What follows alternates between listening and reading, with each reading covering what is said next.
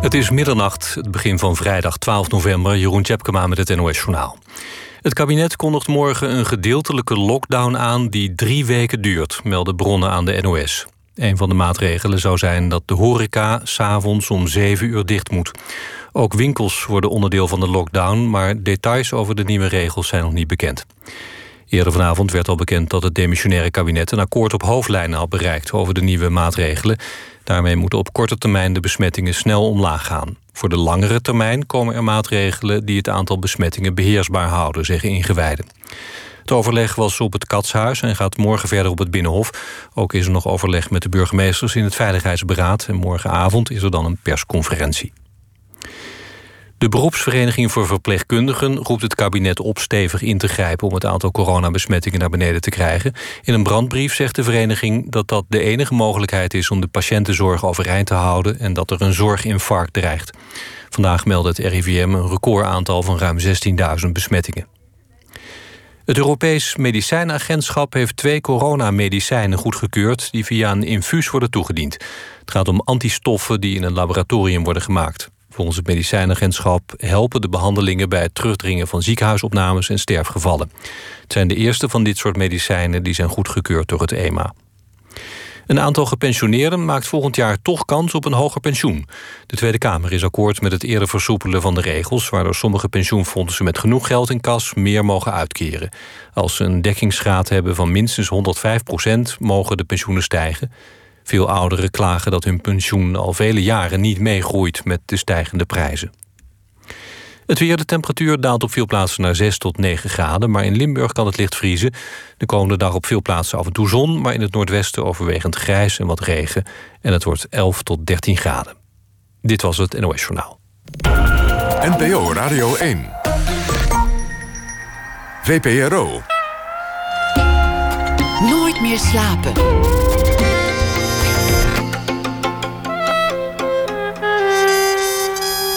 Met Pieter van der Wielen. Goedenacht en welkom bij Nooit meer slapen. Mijn gast komend uur heeft twee liefdes. Ze heeft een vriend en een vriendin. Maar wacht even, voordat u de vinger alweer op de trekker van uw Twitter legt. Er is hier geen sprake van overspel, niemand wordt bedrogen. Iedereen weet ervan en iedereen vindt het goed. Kirsten van Tijn is hier. Ze maakte er een voorstelling van, Sexperiment, waarmee ze nu door het land reist. Een vrolijke voorstelling die kan worden gezien als een pleidooi voor ruimere kaders in de liefde. Kirsten van Tijn, theatermaker, cabaretière, groeide op in Heilo, wat ze later de stiekemstreek zou noemen. En ze maakte eerder ook een voorstelling Zalf, die ging over jeuk en krabbel. En Nobel, waarin ze dook in de familie van haar gezin. Kirsten van Tijn die zag het licht in 1989. Kirsten, welkom. Leuk dat je er bent. Dankjewel. De, de laatste keer dat we elkaar spraken, toen vertelde je dat je niet zo heel lang daarvoor was verhuisd naar een, naar een pittoresk dorp ergens in Brabant. Ja. Waar, je- waar je afgelegen woonde. En waar je toen, zoals je het zelf noemde, een, een, een lekker tuttig leven leidde. Ja. Ja, dat was een kort eh, tuttig leven. Ja, wat, wat is er Nou gebeurd ja. met de tuttigheid? nou ja, eigenlijk was dat toen dus eigenlijk al hartstikke gaande. Hè? Maar nog een eh, groot geheim. Want ik denk dat wij elkaar twee jaar geleden hebben gesproken. Oh, dus je, dus je hebt tegen mij gelogen. Ik heb tegen jou ook gelogen. Ja, ik had een geheim. En maar eh, ik, ik leefde voor de buitenwereld een tuttig leven in mijn dorp. Maar ondertussen was er heel veel aan de hand. Voelt ook een beetje als een opluchting. ja, eindelijk kunnen we het erover hebben. Een Maar, maar je, mag, je mag liegen over dingen. Dat, bedoel, het is filosofisch niet vol te houden dat je in het leven nooit zou liegen. Dat is waar. Maar iets als niet. liegen over de liefde. En een geliefde dus. Dat is wel echt... eh, dat is pittig. Dat, eh, dat is ziekmakend eigenlijk bijna. Als je dat niet van de daken kan schreeuwen op een gegeven moment. Want liefde vergt dat je het van de daken schreeuwt, dat je het in, in witte kalkletters op muren schrijft en, en niet dat je dat voor je houdt. Dat denk ik wel als het gaat over zoiets groots als een verbinding in de liefde. Dus ehm waarin ik en mijn vriendin dus op een gegeven moment echt ja tegen elkaar zeiden... en dat je daar dan niet over praat. Dat voelde toch op een gegeven moment iets als wat we, wat we wel van de daken wilden schreeuwen. Dat geheim moest eruit. Je- Ja, je, dat je moest kreeg eruit. het niet meer voor elkaar. Nou, laten we teruggaan naar het laatste moment dat het nog wel tuttig was. Want, want het, is, het is natuurlijk wel een tijdje heel... Nou ja, huisje, boompje, beestje Zeker, geweest. ja. Ja, uh, heel fijn, lekker, kabbelend watertje, zeg ik in de voorstelling. Uh, ik was altijd in paniek in de liefde en met hem had ik, uh, was het rustig, lekker saai, zeg ik. saai maakt vaak gelukkig hoor. Dat... Ja, nou ja, dat. En hondje, lekker door de bossen wandelen. En daarbuiten had ik mijn, of buiten, daarnaast had ik mijn theaterleven... waarin ik naar de theaters reed en speelde en weer thuis kwam en landde.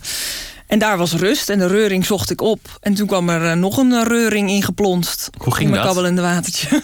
Wat was het eerste moment dat je dacht... oei, hier is iets aan de hand? Um, ik ontmoette haar op een theaterfestival. En um, daar was gewoon heel veel energie. Soms ontmoet je iemand en dan, dan is daar ja, een soort energieuitwissel... waar je helemaal van gevuld bent. En dat hoeft helemaal niet meteen verliefdheid te zijn. Maar er gebeurde wel echt iets. En uh, ja, dat, dat, um, dat, dat zijn we uit gaan zoeken eigenlijk. Het klinkt heel kort door de bocht. Maar... Had je meteen door dat dat, dat, dat liefde was? Die nee, energie? zeker niet. Ik, ik noem daar in het begin ook heel lang een tweelingziel. Omdat ik het letterlijk niet bij mezelf herkende. Ik was tot mijn 27ste, had ik nog nooit iets gevoeld voor een vrouw. En ik dacht dat dat helemaal niet op mijn palet zat. En zij was gewoon een storm, een actrice... Uh, een energiebom, een soort engelachtige verschijning. Prachtige vrouw. En die, die overviel mij gewoon totaal. En uh, zij. Was je toen al verliefd, zou je dat zeggen? Nou, verliefd. Ik was wel heel erg onder de indruk. En ik was gewoon heel erg gevuld van energie en van. van uh, het, ik een beetje dat, dat gevoel. Weet je wel, dat iemand zo even alles bij je aanzet. En dat je zo op alles ja wil zeggen. weet je wel, dat, dat, we gaan dit en we gaan dat. En we kunnen ook, weet je wel, dat, dat, dat, ja, dat, dat, dat heb je heel weinig. Dat je iemand ontmoet en dat dat zo ontvlamt. En... Uh, ja, zij kwam de rust lelijk verstoren. Ja, achteraf bleek niet, het... Niet uh, moedwillig wellicht, maar... Nee, nee. Maar, maar daar, daar, ging het, daar ging het bestaan waar je zo gelukkig in was. Ja, waarin ik eerst uh, de eerste weken gewoon alleen maar op een soort... wauw, wat overkomt mij hier. En uh, bevlogen en bevangen. En, en dat ik dacht dat ik dit mee mag maken. Maar dat het uiteindelijk gewoon verliefdheid was. En ik kon er niet meer omheen. En ik kon haar ook niet meer blokken. Daar heb ik wel een paar pogingen toe gedaan om het weg te duwen. En te zeggen, nee, ik ben met hem. En jij moet nu, ik blokkeer jou nu.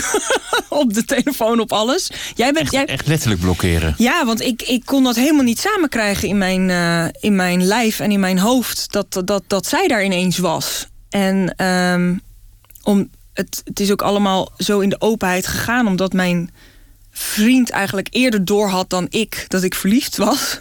Hij zei volgens mij ik net verliefd. Want je had het de hele tijd over haar. Ja, en ze kwam steeds. En uh, hij, weet je, in het begin. Uh, uh, mijn vriend was bij, letterlijk bij die ontmoeting en die zag dat helemaal gebeuren van uh, wauw, wat een energie en wat leuk. En, leuk? Vond hij dat nou ja, niet omdat? Nee, omdat hij dat dus in eerste instantie ook nog niet op die manier zag. Maar gewoon als uh, een nieuwe ontmoeting waarbij je uh, waar, nou ja, waar, waar, waar, waarbij alles aangeraakt wordt. Tenminste, aangeraakt. Ik bedoel dat even in. Uh, op creatief vlak, op filosofisch vlak. Op, weet je wel, dat, je, dat, dat, dat het gewoon een supergezellige avond was. En die is uiteindelijk. Um, ja, daarin is uiteindelijk dus meer gebeurd. Alleen hij was in eerste instantie had zoiets van... Wat bijzonder dit, wat leuk. En ja, onderzoek het maar. En ik was degene die op een gegeven moment totaal in de angst schoot van... Uh, maar dit bestaat helemaal niet, dit kan helemaal niet. Ik ken niemand die in een goede relatie zit... en dat daar ineens iemand komt en dat dat oké is en leuk. dacht, dan toch niet mogen of stiekem gaan, weet je wel? Denken veel mannen in zo'n geval niet gewoon... Uh, dit opent de weg naar een trio? Tuurlijk wel. Ja, dat dacht hij ook in eerste instantie. Alleen hij had heel snel door dat zij echt alleen op vrouwen valt. En, echt niet, niks niet met heel mannen. Erg op mannen. Nee, nee, nee. niet heel erg niet. nee. Dus, uh, en daarin was hij zo, ja, laten we het vrij noemen, om te zeggen: ik gun dit jou of wat mooi of uh, gaat maar aan.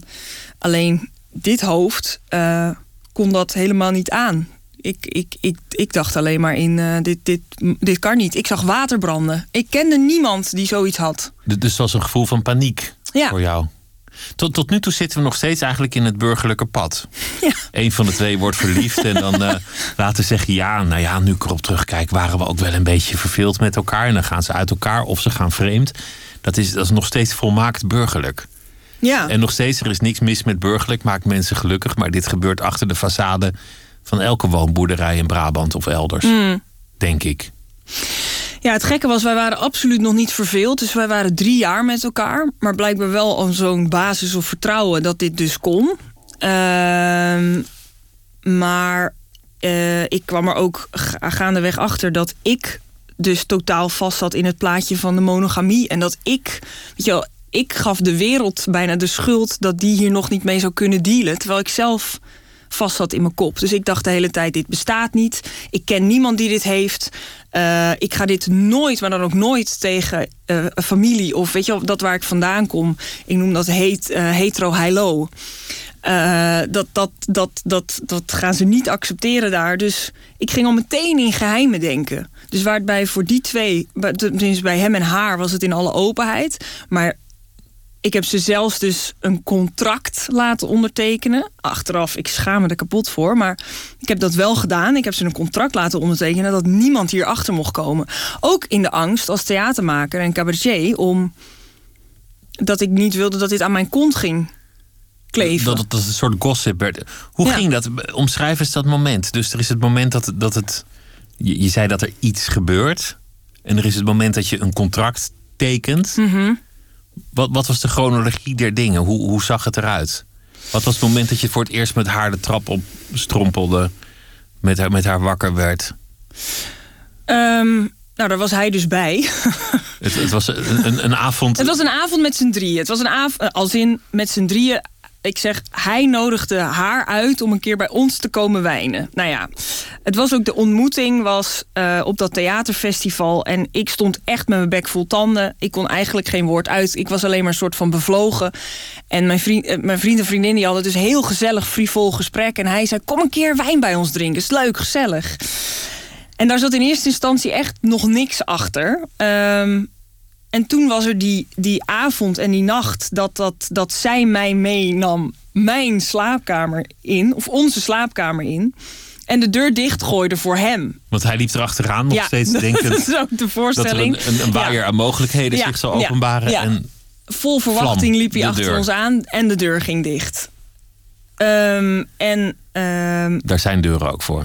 Daar zijn deuren ook voor en eh, die werden ook niet opengerukt. Of ik, eh, ik ben ook niet eh, toen op dat moment angstvallig weer mijn bed uitgegaan en die deur opengegooid. En ehm, de volgende ochtend na die, na die nacht die fantastisch was... maar voor mij toen ik wakker werd dus meteen paniek. Echt meteen dat ik dacht, dit mag nooit iemand te weten komen. Pff, nou, god, arm je meisje ook- wat zo vast zat in de kop. Rommel in je hoofd als, als in hoofdpijn van, van het wijnen? Oh nee, Nee, goede wijn gedronken. Ja, maar ook niet, niet. Het is ook niet, want dat denken sommige niet- mensen niet dat ik een soort dronken-. Nee, nee, nee, absoluut niet. Nee, maar ik wil gewoon het beeld, het beeld ja, hebben. ja. En Nee, ja. dan waar je normaal gesproken koffie zou zetten of thee of wat je ochtendritueel verder ook is, was er bij jou dit keer een totaal gevoel van paniek ja, en een behoefte om meteen alles juridisch vast te leggen met dit mag nooit iemand te weten komen. contracten Met contracten. Ja, aan de ontbijttafel, Ja. jongens. ik heb ze allebei dat contract laten ondertekenen. Wa- Was je op dat moment ook bang van, van ik moet kiezen? De Nou, ene liefde en de andere liefde kunnen niet samen. Nee, daar was ik nog niet op dat moment. Dat kwam later, omdat het op een gegeven moment gewoon ingewikkeld werd in mijn hoofd dat zij er ineens beide waren. En dat zij ook beide als twee soldaten naast me stonden van. En dat hij zei. Ja, ik zie het probleem niet. Zij is er, ik ben er, jij bent er. Punt. en ik, het matchte gewoon niet in mijn hoofd. Dat was ook de reden dat ik haar ging wegduwen. Terwijl het een en al rijkdom was. En eh, het eh, zoveel opleverde qua. Ik zeg ook met hem was ik een ochtendmens en door haar ben ik ook ineens een avondmens. Weet je, het is zo. Alles, ik mag mannelijk, vrouwelijk en alles daartussenin eh, zijn. Ik mocht ineens een totaal nieuwe seksuele kant van mezelf ontdekken door met haar in bed te belanden. Dat was, eh, ehm, ja, hoe zeg je dat? Het klinkt misschien heel suf, maar dat was ook als, als thuiskomen. En dat was ook nieuw en, en spannend. En, en, en ja, wat ik zeg, het was fucking rijk dat ik dat allemaal mocht ervaren. Maar iets in mij gaf mijzelf de hele tijd straf dat dit helemaal niet kon en dat dit niet mocht. Jij dacht in kaders en Ja. die kaders die, die jou kennelijk ooit zijn bijgebracht, die zeiden: dit is verboden. Dit is Ja. zondig. Ja, Dit mag niet. ja. en ehm, dat doe je of stiekem. Maar dat je het daar dan de hele tijd met, met hem en haar over moet hebben. Ik krijg dit niet samen in mijn kop. Weet je wel, dat. En toen kwam ik op dat punt van ik moet kiezen. Ehm, en ik, ik, ik merkte gewoon dat ik hartstikke verliefd was op haar. En dat was sowieso een eerste ding wat ik een plek moest geven. Ik vertelde het op een gegeven moment na een tijd aan een vriendin van mij die ook eh, op vrouwen valt. En die zei: Oh god, ik moest uit de kast komen, maar jij moet dubbel uit de kast komen. Want je en, moet eerst zeggen, ik, ik ben... en verliefd op een vrouw, vrouw? geworden. En ik ben met hem en haar. Dus je- je, je bent eigenlijk een soort... Nou ja, in, in het slechtste geval verrader van beide kampen. Als er kampen zijn. Ja, en toen ging ik nog even een paar jaar weer eh, te- mijn mond houden eigenlijk. Dat was dat. Ja, dat waren allemaal. eh, weet je, ook überhaupt het bi zijn, of tenminste dat. Daar kwam ik dus ook op dat moment achter van. Wow, ik kan dus verliefd worden op een vrouw. Dat wist ik niet. Ehm, en achteraf denk ik, heb ik niet gewoon zo in die kaders en zo vanuit dat hetero En d- weet je wel dat ik, dat, ik, dat ik me daar nooit voor open heb gesteld. Ik bedoel, soms worden mensen op hun tachtigste nog verliefd op. eh, Hetero heilo is trouwens wel de alliteratie van de dag, zeg. ja, hè? Dat klinkt lekker. Ik, ik ken heilo niet heel goed. Nee, Het is een beetje wel, welgesteld, Noord-Holland. Ja, het is een beetje het beetje bergen, heilo. Het is een beetje het gooi van, eh, van Noord-Holland, zeg ik altijd. Het is een beetje, ik- kom, eh, weet je, het is, het is. Ik zat op hockey. Ik was een meisje, ik wilde op voetbal, maar dat mocht niet. Ik moest op hockey.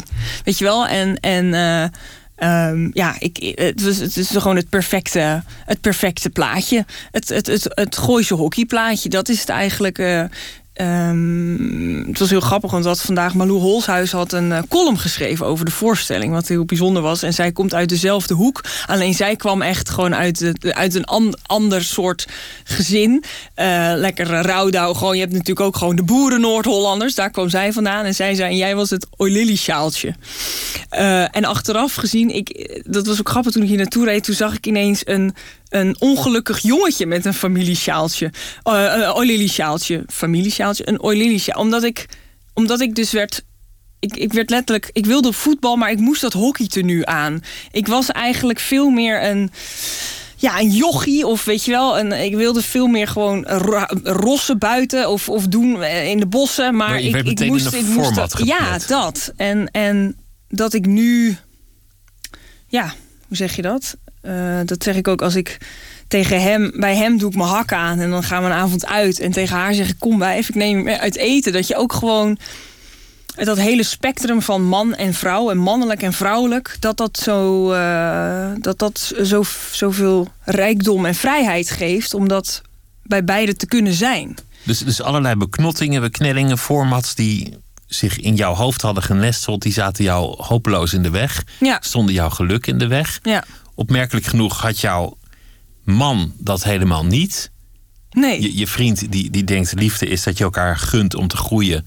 ja, Gunt om je geluk na te jagen. En die was niet angstig of bezitterig of, of defensief. En die stond dat toe. ja, totaal. Dat is niet vanzelfsprekend. En toch lukte het jou niet. Stel dat je het wel helemaal ehm, de weg van Heilo had gedaan. En je had alle verwachtingen ingelost. Hoe had je bestaan er dan eigenlijk uitgezien? Waar was je dan terechtgekomen? Wat Nou was het beeld dat jij in je jeugd kreeg van hoe je moest zijn als je later groot was? Nou, ik ben daar sowieso al heel snel. Ik was 17 toen ik uit huis ging en in Amsterdam ging wonen. Omdat ik gewoon voelde, ik moet losbreken. Daar was haast. Daar was haast. En eh, daar, daar, daar dompelde ik mezelf voor het eerst onder in cultuur. Weet je wel, meteen een sprintpas van de stad Schouwburg. En ik zag voor het eerst echt theater en toneel en meme en alles. Dus ehm, ik ben echt een soort van gevlucht uit Heilo. En, en van, dat, van dat perfecte plaatje. Ehm, maar ja, nee, daar, daar, werd niet Ehm, hoe zeg je dat? Daar werd niet gedacht in eh, toneelschool of kunstopleidingen of kunstacademies. Nee, absoluut niet. En dat is. Wat dan? Ja, wat dan? Ja, wat... wat uh, Moest je een carrière maken of een, of een, man met een carrière? Ja, maar, ja, ja, dat. Carrière. Onder, ik kom uit een ondernemersgezin. Je moet altijd goed wat op de bank hebben voor de zekerheid. Nou, dat was ik absoluut niet. En ik trok meteen dat hockeytenu uit. En ik sprong de eerste de beste kringloopwinkel in Amsterdam in... om eindelijk voor mijn gevoel mezelf te kunnen zijn. En dan kwam ik een keertje weer in Heilo. En zei wat zie jij eruit? Of weet je wel... ja, dat is je moet je losbreken uit zo'n gezin of uit zo'n dorp om jezelf te vinden of zo. En, en dat is. Dat, dat proces is eigenlijk nog steeds aan de gang. Nou, dat, dat is dus nu wel voor mijn gevoel. Uh, ja, ik weet niet hoe lang je een navelstreng houdt. Misschien hoe lang wordt zo'n ding? Ja. ja. Um, maar dat ik nu deze relatie heb en deze vorm en uh, uh, als theatermaker onderweg ben, dat is wel al uh, voor mij een enorme uitbraak, laat maar zeggen. Je, je, zei, ik had, een, ik had een geheim en dat drukte eigenlijk op me. Ja. Het, het, ging niet. Je kan niet heel erg verliefd zijn en het niet van de daken schreeuwen. Toch heb je dat best wel lang gedaan. Ja. Best wel lang was dit iets wat, wat jij wist en je partners wisten, maar dat achter een soort façade bleef. Wanneer kwamen de barsten daarin? Aan wie heb je het voor het eerst verteld en wie je het aanvankelijk niet zou vertellen? Um, barsten ontstonden eigenlijk omdat zij niet bestond voor de buitenwereld. Zij dus, werd ontkend. Ja, zij werd ontkend. En wij werden daardoor ontkend. Um, dus ik heb het ongeveer drie jaar echt, uh, echt geheim gehouden. Ook niet tegen vrienden verteld. En dat zij, ja, weet je, dan dat, dat, dat we ergens kwamen op een feestje en dan dachten ze: heb je Kirsten weer met dat nichtje? Dat was op een gegeven moment gewoon heel verdrietig voor haar. Omdat zij ook mijn hand wilde vastpakken. Omdat zij ook wilde laten zien, wij horen bij elkaar. Weet je wel, dat... Zij moest zichzelf elke keer klein maken als actrice. Hè? Dus zij moest zichzelf elke keer wegcijferen. En ja, ook, ook zij kon zichzelf niet zijn. Zij wilde, ja, zij wilde bij mij horen. Maar ze moest het nichtje zijn. En je gaat niet op een feestje met, met je nichtje, Tom. Nee, nee, nee. Ja, nee, ik bedoel, het is meer het beeld van... heb je haar weer met... wie is dat ja, meisje? Of, of de, maar, ja, maar, ja. maar uh, daar ontstonden op een gegeven moment de eerste barsten... dat zij dat op een gegeven moment ook gewoon echt niet meer volhield. Van, ja, uh, ik, ik, ja dat, dat moeten kunnen delen. Uh, en ja, daarin begonnen dat ik op een gegeven moment langzaam tegen vrienden ging vertellen. En in plaats van dat ik ze dus. Ik dacht dan, oh god, ik ga het nu zeggen. Oh, wat is hun blik? Oh, wat is hun reactie? Zag ik een soort van. Oh, echt waar? En een soort van vrijheid en een soort ruimte in die hersenpannen ontstaan. Van, is dat ook een mogelijk? Is dat een optie? Kan dat? Wauw. En dat ik echt zag van, oh, oh, oh. Ik had, ik had echt gedacht van, wat doe jij nou? Wat de fuck? Of weet je wel, dat soort opmerkingen. Ehm, en daar, daar ontstond zoveel ruimte dat ik, dat ik het uh, vaker ben gaan durven vertellen. En in plaats van dat men dus, uh, zoals ik dacht dat ze zouden gaan reageren vanuit, uh, vanuit een oordeel, ja, zag ik hersenpannen openbreken. En dat ik, dat ik dat me dus juist heel vertrouwen gaf. En dat ik mensen kreeg zeiden, ik zou dat ook wel willen. En ik zei, nou, je, het is een lange weg hoor. maar dat, dat is eigenlijk best wel gek als zoveel mensen dat zo ervaren, dan, dan loopt iedereen zichzelf dus te beknotten. Of heel veel mensen. Of dan zijn er kennelijk formules ontstaan die niemand nog echt lekker liggen of weinigen. Dan ja, is er behoefte aan een soort bevrijding. Ja, ik denk wel dat we in een tijd leven waarin er meer mogelijkheden zijn en dat er verlangens en behoeftes zijn. Dat de liefde anders vormgegeven wordt. Ik, ik zeg ook in mijn voorstelling: onze opa's en oma's gingen massaal vreemd. Dat was tenminste in. Als ik dat hoor ook van mijn opa's en oma's. En weet je, dat, daar, ging, daar ging iedereen vreemd. Onze ouders liggen structureel in scheiding. En nu wij. Hoe gaat deze generatie de liefde opnieuw vormgeven? Je had, je had de jaren zeventig met de sleutelfeesten. Ja. En dan de, de jaren tachtig met, met de gebroken gezinnen en de echtscheidingen. Ja. Ja, elke tijd doet het opnieuw. Ja, en als je kijkt naar uh, bijvoorbeeld sex education, wat nu heel erg door 15, 16-jarigen uh, al wordt gekeken. Ja, daar worden allemaal nieuwe vormen aangeboden en, en, en vertoond. En die behoefte merk ik gewoon heel erg. Van kan het ook anders? En ja, dat iemand heeft ooit verzonnen: een relatie bestaat uit twee. Dat zijn de regels, punt. En daar houden we ons aan. Maar ja, dat dat mij zo overkwam en dat ik dat vervolgens aan mocht gaan en dat ik nu met hem en haar ben. Ja, ik zeg ook in de voorstelling, ik ben een fucking rijke bitch, weet je wel. Ja, het is, het is echt... ehm, Hoe doe je dat eigenlijk? Hoe, hoe ziet dat er praktisch uit? Wonen jullie met z'n drieën in één huis? Of heb jij een latrelatie met twee? Of, of is het eh, eh, een rooster? Of, of hoe- Ja. hoe doe je dat eigenlijk? een seksrooster. Nee, Ehm, ik woon dus nog steeds met hem in dat pittoreske dorp. En eh, zij woont in Antwerpen. En omdat zij als actrice gewoon overal en nergens voorstellingen speelt en projecten heeft, ziet zij zichzelf sowieso niet in een dorp wonen in Brabant. En ik, ja, daar, ja, dat is dus. Ik heb eigenlijk met haar een latrelatie. Ik zoek haar op. En met hem, ik zeg met hem ben ik thuis en met haar ben ik overal de hele tijd. En doen jullie ook wel date night met z'n drieën? Eh, nee, dat heb ik in het begin eh, angstvallig eh, hard geprobeerd. dat ik echt dacht van, ik wil dit bij elkaar houden. Maar dat, dat, ehm, dat doen we, we... Weet je, we eten wel eens samen en dat soort dingen. Alleen het is niet dat ik meer heel erg mijn best doe om dit met z'n drieën... We hebben geen driehoeksrelatie. Ik heb een spagaatrelatie met Jij hem bent en de haar. enige die een relatie met meerdere Ja, personen met beide. heeft. Ja, ja. En ehm, ja, dat, dat was in het begin ook best wel lastig. Want dan voelde ik me ook wel een manager. Want ik dacht in het begin van dat ik mezelf 50-50 moest verdelen. Dat ik, dat ik eigenlijk weer zelf mijn eigen rooster maakte. En dacht eh, mijn uren. Totdat ik erachter kwam dat er geen uren of procenten voor mij overbleven. Dacht, dit, dit is ook niet haalbaar. En nu is het eigenlijk heel. ehm, ja, nu gaat het eigenlijk heel natuurlijk. Dat er dat dat, ja, dat, dat, dat, dat vormt zich. En ehm, ja, dat, dat ja, kan er eigenlijk niet. Leuk dat je het woord natuurlijk gebruikt. Ja, ik wou, ik wou bijna fluïde zeggen. Maar natuurlijk wordt vaak gebruikt juist om, om mensen in een, een bepaalde structuur te duwen. Alsof dat door de natuur geschonken is. De vrouw hoort achter het aanrecht, dat heeft de natuur nou eenmaal bepaald. Vaak een gevaarlijk argument, Ja. de, de natuur. Mhm. Terwijl je ook kan redeneren dat elke formule wel eens in een samenleving bestaan moet hebben. Dat, Ja. dat de mannen de kinderen opvoeden en de vrouwen gaan jagen, zal vast wel een keer bij een of andere stam zijn voorgekomen. Tuurlijk, en dit Of, ook, denk of dat ik. iedereen in één bed slaapt, als het al een bed was. Dat zal ook wel eens bij een of andere stam zijn voorgekomen, Ja, denk ik. ja. Ja, en dat, dat, daarin voelt dat dus nu ook voor mij heel natuurlijk. Ook dat, dat, dat kind dat altijd zocht van... ik wil eigenlijk op voetbal, oh, maar ik moet op hockey. En gewoon dat je... Weet je, volgens mij gaat het ook heel erg over dat, dat, dat spectrum van gender. Weet je wel, dat je... Dat je dat ik geloof dus nu niet dat ik 100% op mannen val. Ik, heb dus, ik denk dat ik 65% op mannen val en de rest op vrouwen. Weet je, dat, dat, dat, dat, dat, dat of dat ik, dat ik misschien eh 60% vrouwelijk ben en de rest mannelijk. Weet je, dus dat, dat, dat, dat, dat je daartussen mag laveren. En dat dat, dat voelt dus voor mij veel natuurlijker dan het hokje man-vrouw opgelegd krijgen.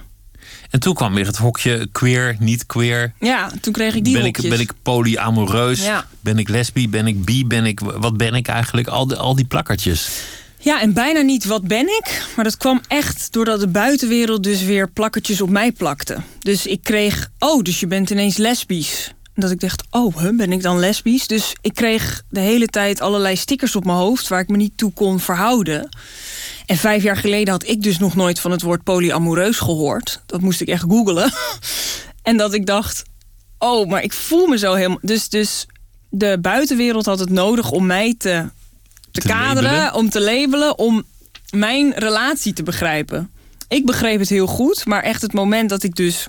Even tussen aanhalingstekens, ik vind dat ook een lastig ding uit de kast komen.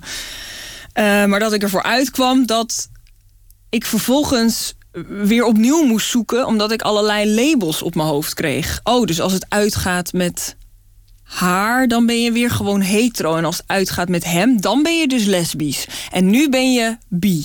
Oh nee, je bent praktiserend bi. Want je bent tegelijk met hem en met haar. Weet je Dat is, dat is best wel iets van deze tijd, vind je niet? Die, die Ja. labels. Men- mensen die zichzelf voorstellen, dan meteen zeggen van ik ben een. eh, ja, ik, ik kan die termen nooit zo heel goed onthouden, maar dan waar in het spectrum onder welk label ze precies vallen. Ja, Qua, qua gender en geaardheid. En dat, dat is eigenlijk raar, want, je, want het leven is volgens mij dat je van binnen naar buiten kijkt, de wereld in. Mhm. En niet de hele dag van buiten naar binnen. En jezelf analyseert van welk label past hierop. ja. Ja, en het is ook wel een generatieding. Want ik heb ook wel flauwe powers in de zaal die zeggen... Nou, eh, in onze tijd boeide het allemaal niet hoor.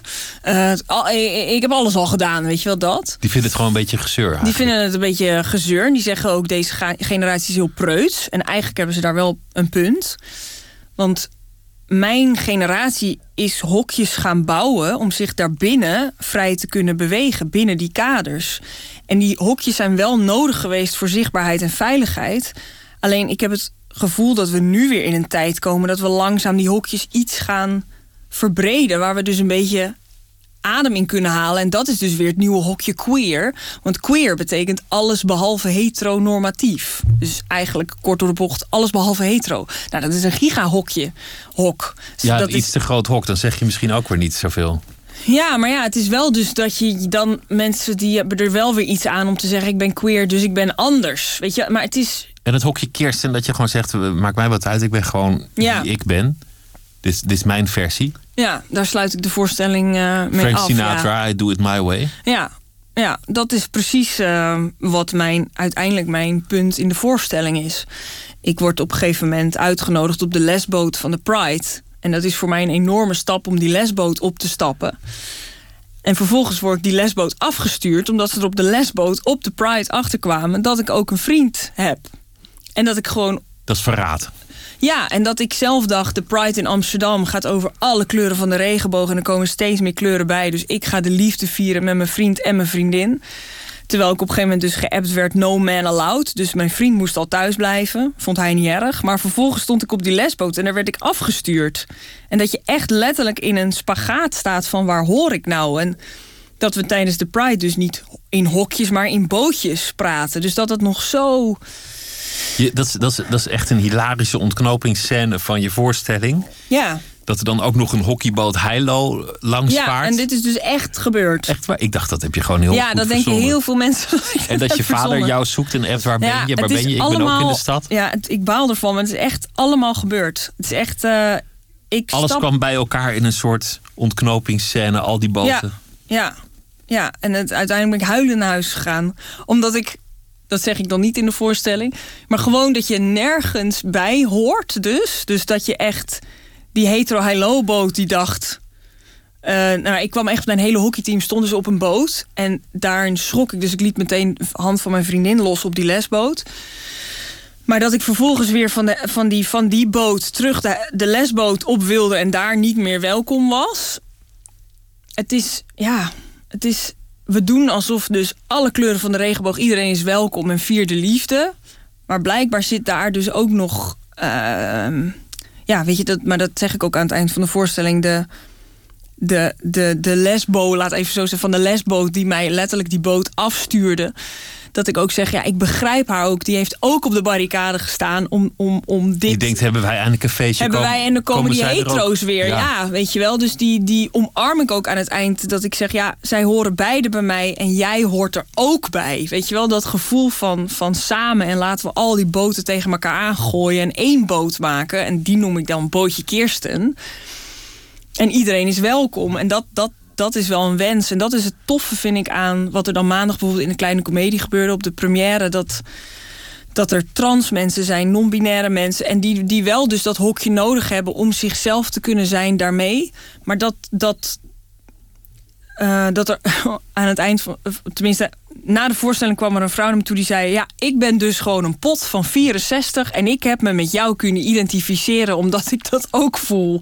En dan denk ik, nou, dan heb ik dus dat bootje gecreëerd van met z'n allen. Daar ben ik dan eigenlijk het meest trots op. En dat, ja, dat ik ineens zo'n divers en kleurrijk publiek heb, maar wat niet alleen maar 20 is, maar wat dus ook 64 is en zegt: ik heb er altijd voor gevochten. En nu denk ik, kom erbij, weet je wel. Ja, ik, ik ben gaan kijken in Soest. Ja. Wat op een heel andere manier een, een heel lief publiek was. Mhm. Dat, dat waren gewoon allemaal, allemaal, ja, ik denk toch een beetje oude hippies, weldenkende mensen. Ja. Met, met een heel, heel open, tolerante sfeer. Ja. Veel instemming, veel instemmend gebrom. Veel verder ging het dan ook weer niet, maar zo van. Mhm. Mhm. Maar die, die voelden dat wel. Allemaal keken man en vrouw elkaar aan. Ja. Na 30 jaar dachten ze van, ja, hadden wij dat eigenlijk niet. Ja, er werd nog lang nagepraat in Soest. Er waren ook heel veel ouders van kinderen die, uh, of uh, homoseksueel zijn of zoekende. Of, uh, dat, dat vind ik ook tof. Dat, dat ouders naar die voorstelling komen om hun kinderen te begrijpen. En kinderen hun ouders meenemen, zo van zo voel ik me dus. Maar dat was dat ik in Soes nog lang nagesproken, dus met veel ouders van kinderen die anders zijn. Laten we daar op houden. Voor wie net inschakelt, Kirsten van Tijn zit tegenover mij. Ze heeft een voorstelling gemaakt, Sexperiment... waarin ze op basis van haar eigen ervaringen... pleit voor uh, ruimere kaders in de liefde. Ik, ik, ben zo benieuwd wat er allemaal op je... Want eerst is het je grote geheim. Ja. Dat drukt op je en even later ga je het hele land door... sta je op het podium en, en, en spreek je erover in, in een enorme openhartigheid. Maar ik ben zo benieuwd wat er allemaal op je af is gekomen sindsdien. Wat, wat voor mensen klampen jou aansturen, jouw mails? Ja, heel proberen veel. zich jou toe te eigenen? Wat voor aanzoeken krijg je? Ja, aanzoeken dus niet meer, want ik ben dubbel bezet. Dus uh, er, is, nou, er wordt niemand met me geflirt. Die denkt, die denkt, die heeft het druk. Ja, die heeft het te druk. Maar ik krijg heel veel geheimen op mijn bordje. Ik krijg mails van zes A4'tjes lang. Wat ik een hele grote eer vind. Uh, mensen kunnen eindelijk dat waar zij dus, wat, wat ik ook heb gehad, waar je, wat je jaren geheim houdt, bij iemand neergooien. En dat, dat krijg ik dus. Dus ook dinsdag speelde ik uh, in de stad Schouwburg van Utrecht. En ik ben daar zelf om een uur of twaalf echt uitgeveegd door theater. Omdat ik had gewoon een soort rij van mensen die kwamen biechten die kwamen dingen zeggen. Die wilden. Een soort, zo echt een biechthokje. Dat, dat ja, nou, die, die dingen kwamen zeggen. En dan, oh, en dit en dat. En, en uh, uh, beginnen te huilen ook. Dat vond ik, vind ik ook heel bijzonder. Dat, dat er dus, omdat er zoveel lagen op zitten van dat niet kunnen praten, niet kunnen zeggen. Taboe, taboe, taboe. En dat mensen eigenlijk. Dat. Het voelt soms een soort kots. een liefdevolle kots die ik over me heen krijg van.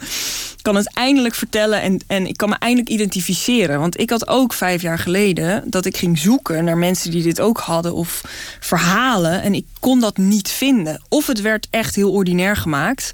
Dus dan, uh, dan stond er een Linda-artikel en dan, dan werd dat heel seksueel en, en nou ja, afgebeeld uh, waar ik me niet mee kon identificeren. De wereld van de swingers kom je dan in. Ja, de wereld van de, ja, dat. Het wordt, ging alleen maar over seks. En ik dacht, nee, het gaat heel erg over liefde. Dat was het voor mij. En dat er dan nu zo'n jonge generatie zit die denkt... Oh, eindelijk wordt dat besproken. Of daarom heb ik ook wel de toon gepakt... Uh, de oprechte, eerlijke toon. En ik heb ook ervoor gekozen om niet een voorstelling te maken... met mijn vuist in de lucht op de barricade. Maar echt, ik ga in het midden staan. En ik zet iedereen om mij heen. Want ik wil met iedereen een lijntje leggen... in plaats van dat ik de voorvechter word hiervan. Dat ben ik niet, weet je wel. Dus ik leg ook al mijn twijfels en mijn vragen. En hoe doen jullie dit? Dat is een vraag die... Help, wat doen jullie? Wat zou je doen? Weet je wel, dus... Maar, maar de vragen die je krijgt, of, of mensen die, die opmerkingen maken... zitten daar ook dingen tussen die jou irriteren? Mm. Dat mensen misschien iets te nieuwsgierig worden? Of, of oh ja, ja. Eigenlijk door het sleutelgat willen kijken of het. Ja. ja. want ik had in het begin nog niet in mijn voorstelling al die vragen. Ik, ik krijg heel veel vragen op me af. En die had ik in het begin nog niet allemaal in mijn voorstelling. En die heb ik er nu allemaal ingepland, omdat ik gewoon na elke voorstelling dezelfde vragen kreeg. Ongegeneerd. Zoals? Mm, ja, heel erg. Dus wel over seks. Dus bijvoorbeeld pff, drie weken geleden in Breda kwam er ook een oudere vrouw naar me toe. En die zei... Uh, ja, mag ik nou weten, wat is nou het verschil tussen seks hebben met een man en een vrouw? En ik zeg ook in de... Je mag echt alles aan mij vragen. Alleen soms dan is, zijn dingen wel echt te persoonlijk. En dat ik iemand niet ken en iemand komt op mij afgestapt en zegt... Wat is nou het verschil tussen met haar en met hem in bed liggen? En dat ja, je dus... daar, daar heb je Google voor, uh, mevrouw. Nou, ja. Uh, maar blijkbaar creëer ik dus zo'n openheid dat mensen dus denken dat ze dat aan me kunnen vragen. Wat ik dus ook als compliment zie. Alleen, het is, ja, het is, het is uh, alles buiten de norm. Daar worden gewoon heel snel uh, vragen over gesteld die eigenlijk uh, te persoonlijk zijn. Dat vind ik, dat, ik vind soms gewoon, um, ja, te, te, je hebt ook nog recht direct. op je eigen leven. Veel, ja. veel gaat over geheimen. En dat, dat vind ik wel interessant. Want je, je spreekt over Heilo als uh, de, de streek der geheimen. Ja. Heimelijk Heilo. Of wat, je, had, je had een andere. Stiekeme streek. Oh, de stiekeme streek, ja. ja. Nou ja, het allitereert allemaal even, even prachtig.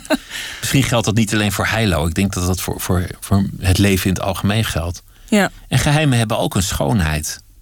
Ja, zeker. Iemand die, die aan het eind van zijn leven een groot geheim opbiecht... dan, dan denk je niet, och, schurk. Meestal denk je, nou ja, dat, is echt waar? Nou, dat, dat is toch wel eh, bijzonder. Ja. Ik vind, ik vind het ook wel, wel mooi, eigenlijk. Ja, en toch, want dat was dus eh, wat ik dan ook op een gegeven moment moest ik ook dat geheim op gaan bieden. Ik had hem niet nu, ik had hem niet eh, nog veel langer vol willen houden ook. En dat is ook wat ik zeg van ik kom uit de, ik kom van de geheim, ik kom uit de stiekemstreek. Ehm, op een gegeven moment denk ik dat dingen ook wel open gebroken moeten worden om te kunnen leven, ook letterlijk. Ik heb het ook over ene Kees in mijn voorstelling. Dat is een, uh, een man die, die langzaam dement werd en waar uiteindelijk bleek dat hij homo was.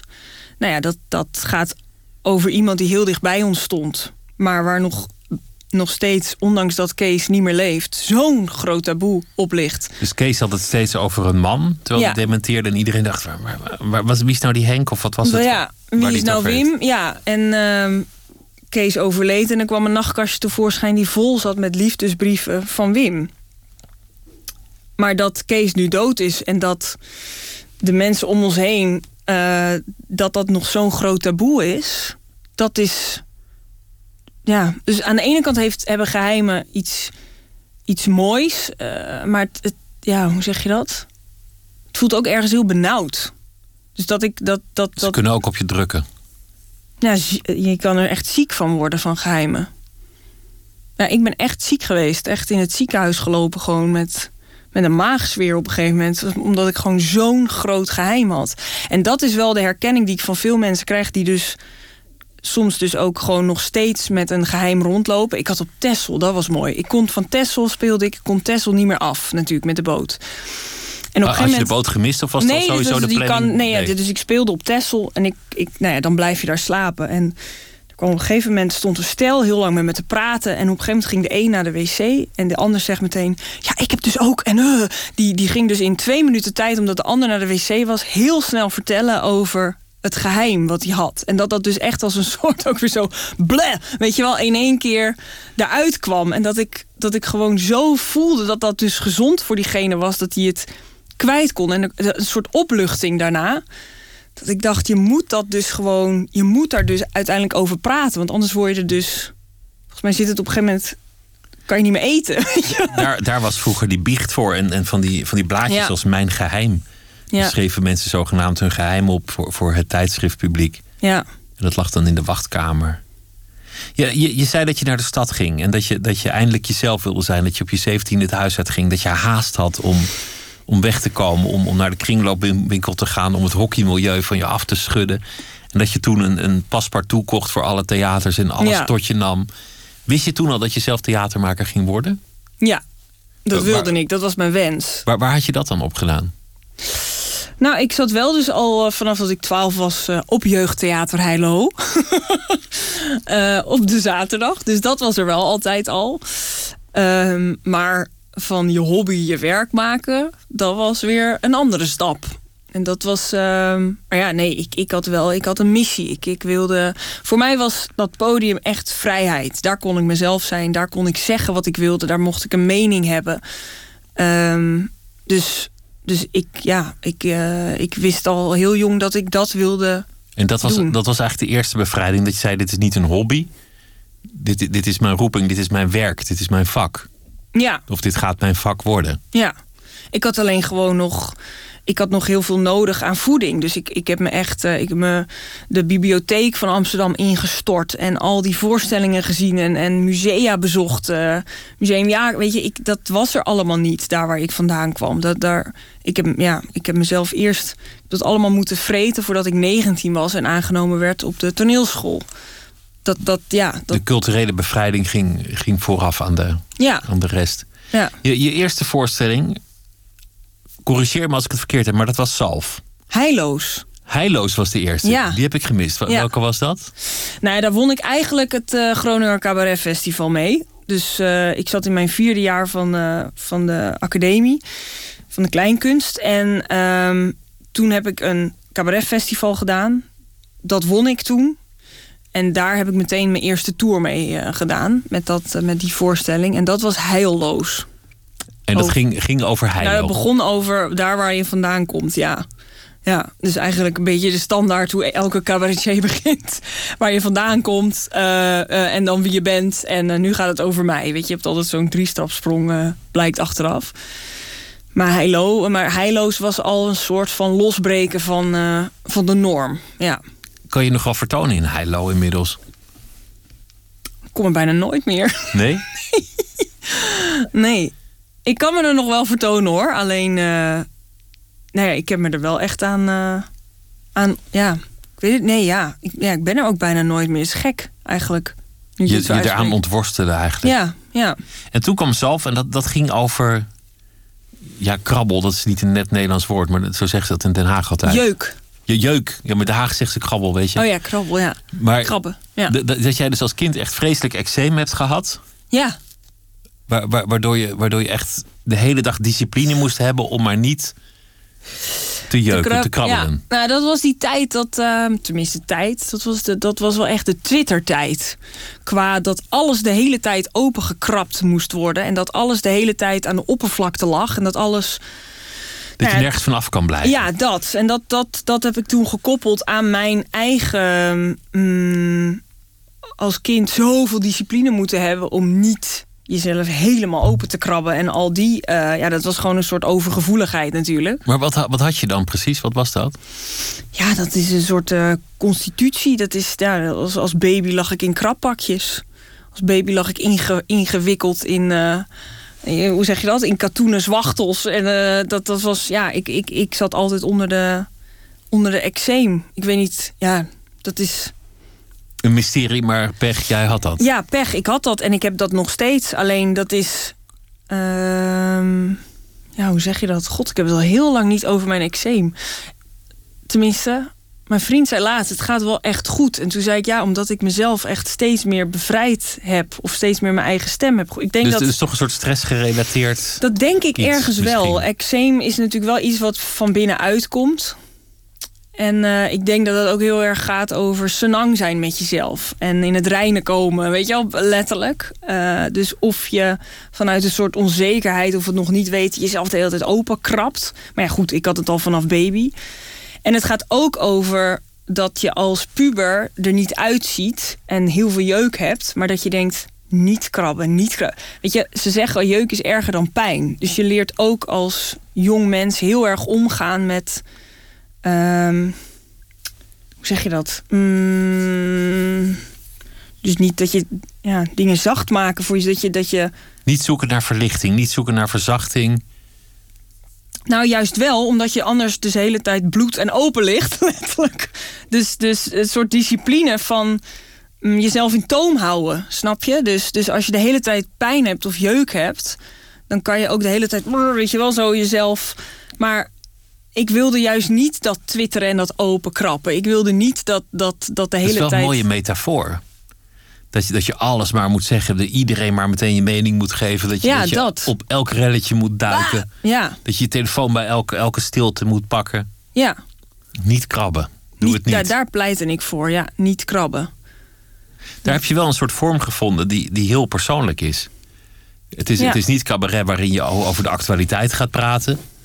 Of, of zomaar een maatschappelijk vraagstuk. Maar, maar je legt je ziel en zaligheid gewoon bloot voor het publiek. En probeert daar dan een soort groter thema in te ontdekken. Ja, ik heb altijd ergens een fascinatie gehad voor iets wat, eh, wat schuurt of waar taboes in zitten of waar het eigenlijk net niet over kan gaan. En daar ga ik even lekker middenin staan. Ik weet niet wat dat Je is. zoekt dat ongemak juist op. Ja. ja, en dat heb ik dan altijd wel aan een groter geheel gekoppeld. Nu ook met deze voorstelling. Maar ik, heb bij Adelheid Rozen ook altijd, vind ik dat fantastisch. Hoe zij gewoon die bron en hop naar buiten ermee. En ik zeg het gewoon en ik spreek het uit. En dat mensen daar meteen weet je wel, meteen een haakje voelen van, "Oh, ik voel dat ook. Weet je, dus dat dat identificeren, dat je. ehm, dat, dat, dat, ja, dat, dat mensen met je meevoelen, die herkenning, dat vind ik gewoon heel, heel eh, bijzonder. En dat je daardoor verhalen weer andere verhalen losbreekt, eigenlijk, uit mensen. Wo- Word je groter en moediger op een podium? Breekt er iets in jou los? Waar, waar, want, wat, ik weet niet of het iedereen gegeven is om op zo'n podium te gaan staan, in dat licht voor een zaal te gaan staan. En, en alles maar daar neer te leggen. Al die onderwerpen die toch ook met schaamte omgeven zijn. En Hmm. ja, je, je, je bent op heel veel manieren kwetsbaar, denk ik. Maar misschien juist ook ineens weer niet kwetsbaar. Ja, ja of ik, ik weet niet of ik groter en moediger word. Ik voel wel een noodzaak. Dus ik voel gewoon een hele grote noodzaak om dingen open te breken en aan te gaan. Eh, en ik denk toch, toch dat dat komt van, waar je vandaan komt, waarin alles de hele tijd onder dat tapijt moest, onder dat Persische chique tapijt. En daar hebben we het niet over. En dat ik gewoon nu eindelijk mijn vorm heb gevonden in we hebben het er wel over. En hier is het, kwak, weet je wel. Dus ik, ja, misschien word ik daar dan wel dus groter van. En eh, ja, of tenminste, durf ik mijn bek open te trekken. Ja, En als één iemand dat doet, dan, dan komt ineens de hele zaal over de Ja, brug. dat is toch fantastisch? Al die Je, je, had, je had ook de voorstelling Nobel. En dat, dat ging een beetje over, ook weer over Heilo. Het ging over je, je familie, over je gezin. Ja, over het perfecte. Oh, dat ging echt over het perfecte plaatje. Ja. Waar je aan moet voldoen. Van, van hoe het eruit ziet als alles gelukt is en geslaagd. Ja. Ja, en, ehm, nou, en vooral dat perfecte plaatje wat we ophouden, maar ondertussen niet zijn. Dus daar ging het weer meer over. Dus dat Persisch tapijt wat ik net eh vertel, dat, dat, alles er, dat, dat, er, ja, dat alles onder dat tapijt geschoven werd. Ehm, en die, dat tapijt heb ik in Nobel even lekker eh, omhoog getrokken. En even laten zien, jongens. Dit, werd me dit niet is altijd in dank afgenomen. Nee, dat zal haast niet. Ehm, heb, dat je, heb je dan nooit een crisis voor de première van... oh god, ik ga het doen, het gaat beginnen? Tuurlijk wel. Ja, dat heb ik wel, eh, wel gehad. En ik heb daar ook van geleerd. En ik ben daar ook soms te rigoureus in geweest. Ik ben ook kaart op mijn bek gegaan van... eh, en nu ga ik het even lekker zeggen. En dat mensen zoiets hadden van... ja, maar hallo, je, je, je, trekt wel even een pot ellende open, weet je wel. Of eh, soms dan zit die, Die deksel die gietijzeren deksel... die zit daar goed, ja. Ja, kom, kom, Kirsten weer aan, die rukt hem er weer af. Ja, dat is soms ook... eh, een beetje te, te hard gegaan. Ja, heb ik ook van geleerd. Dat is ook waarom het nu. Waardoor je mensen kwetst in je omgeving. Ja, ja, ja, daar heb ik ook wel spijt van. Ja, of wa- waar. Ja, dat, dat heel veel mensen, juist wat jij ook zegt met geheimen, dat heel veel mensen daar heel oké mee zijn. Van eh, nee, dat stoppen we weer lekker onder die deksel en daar hebben we het niet over. En dat is de manier waarop wij het aangaan, of niet aangaan dus, maar waarop wij eh, kunnen leven, laat maar zeggen. En ik ben degene die de hele tijd alles wil doorbreken en doorzien en doorvoelen. En heel veel mensen willen dat natuurlijk helemaal niet.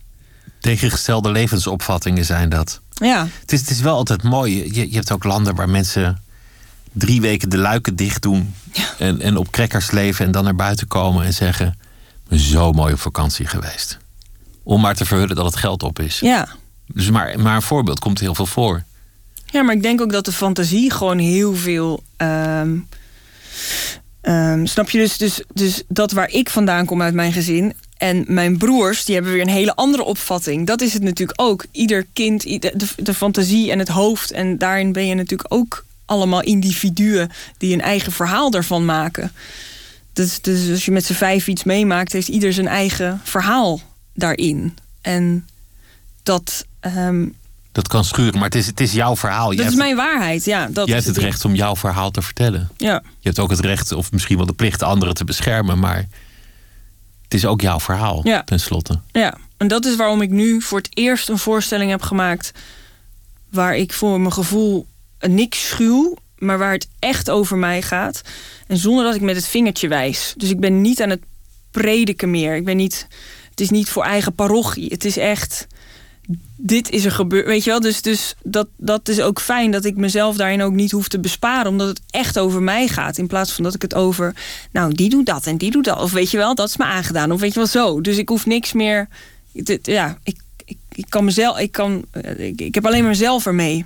Het is jouw verhaal nu. Ja. Je, je zou als, als zoveel veel eerder in première gaan. Ja. En toen kwam de, de lockdown. En toen kwam er nog een lockdown. Hoe, Ja. hoe vaak is het, is het uitgesteld? Al? Drie keer. Drie keer. En nu ben je in première. Ja, Nu beginnen ze alweer een beetje. nu gaan ze ineens weer vrijdag een beetje. Nou, ik, ik, hoop, het, ik hoop het niet. Maar eh, ik Hoe, ben, hoe leef je dan inmiddels? Hoe leef ik dan inmiddels? Ja, tussen angst en vrees, tussen, tussen hoop en wanhoop. Ja, ik ben eigenlijk wel de hele tijd uh, doorgegaan totdat ik echt weer dat theater uitgeschopt werd. Dus ook voor die 30 man heb ik gespeeld. Ook op die anderhalve meter heb ik gespeeld. Ik heb op een gegeven moment een theater wat, wat, wat dicht was en half op instorten stond. Uh, gevraagd: uh, mag ik een paar gravity spuiters loslaten hier? En dat ik, ik, ik voel ook met deze voorstelling ineens een soort ruimte en vrijheid om het underground op te zoeken. Of dat ik denk, ik ga een keer in een skatepark staan. Weet je wel, dus dat dat ik ook door deze tijd niet meer alleen maar in dat theater uh, vastzit voor mijn gevoel. Dus ik denk elke keer, nou vind ik wel weer een nieuwe vorm. Dat heeft deze voorstelling me ook opgeleverd. Gewoon doorgaan. Ja, doorgaan. En natuurlijk is. is het allemaal. Het is echt wel tussen hoop en vrezen dat ik nu ben begonnen. En dat de recensies heel fijn zijn. En weet je wel, dat je echt dat momentum hebt gecreëerd. En dat het ontploft. En dat, dat ik veilig in Rotterdam speel. En dat het wel weer de laatste zou kunnen zijn. Ja, dat is uh, uh, goed kloten, laat ik het uh, zo noemen. Mm, maar ja, ja, god, ja, het is... Het is ja, iedereen wordt moedeloos. Ja, iedereen wordt moedeloos. En waarin er van ons heel veel flexibiliteit werd verwacht... en waarin ik ook de hele tijd heb meebewogen... gaan we weer een poging doen. Geen idee. Ja, een jaar geleden dachten we nog binnenkort prikje erin... kunnen we weer beginnen, zijn we er vanaf. Ja, moet nog een prikje in of zo? ja, nu is het perspectief. Ja, we zien wel. Ja, het is voor de theaters echt heel erg. Het is heel. Uh, het is, het is, je, je, ze, ze, zitten echt met de handen in het haar. Dat vind ik wel heel erg om te merken. En de theaters zijn ook nog niet vol. Echt, de meeste theaters draaien op een derde omdat het gewoon uh, de, de, mensen nog steeds angstig zijn, bang, niet willen laten testen. Allemaal, ik snap het allemaal. Alleen het is ja, voor deze sector is het wel. Uh, voor de kunstsector is het heel erg. Ja, als dit ooit voorbij is, ben ik benieuwd wat, wat er nog van over is. Dat, dat, ja. Uh, daar maak ik me wel een beetje zorgen over. Ja, daar maak ik me ook zorgen over. Ja. ja. Nou, ik wens je heel veel succes met, uh, met, met, de reizende voorstellingen en uh, de tour. Want, want, je staat helemaal geboekt tot juni. Nou ja, tot juni. En nu door de recensies zijn er ineens al de afgelopen dagen allerlei bijboekingen. Dus er komt een reprise ook. Dus dat is heel fijn. Dus ik hoop hem nog zeker anderhalf jaar te spelen. Met pauzes, geen idee. Maar we gaan nog even door. Dankjewel dat je te gast wilde zijn. Ik wens je heel veel uh, succes, Kirsten van Tijn. En de voorstelling die heet Sexperiment. En daar moet ik ook nog even ergens op terugkomen. Want afgelopen maandag toen ging het over de winterdip in dit uh, programma. En toen uh, deed ik de suggestie dat je best wel veel vitamine D kunt nemen. Dat het ook helpt. Ik geloof dat ik zelf zei dat je een heel potje gewoon achterover kan slaan. Maar dat was natuurlijk heel erg slecht advies. En uh, met de hartelijke dank aan apotheker Geusgens... die er fijntjes op wijst dat een te hoge dosering toxisch kan zijn. Dus doe het alsjeblieft niet. En uh, lees de bijsluiter en vraag bij twijfel advies aan professionals. En ik zal mij voortaan onthouden van medisch advies in dit uh, programma. Dit was Nooit meer slapen voor deze nacht. Morgen dan zijn we er weer. Dan zit uh, op deze stoel Lotje IJzermans. En ik wens u voor nu een hele goede en gezonde nacht.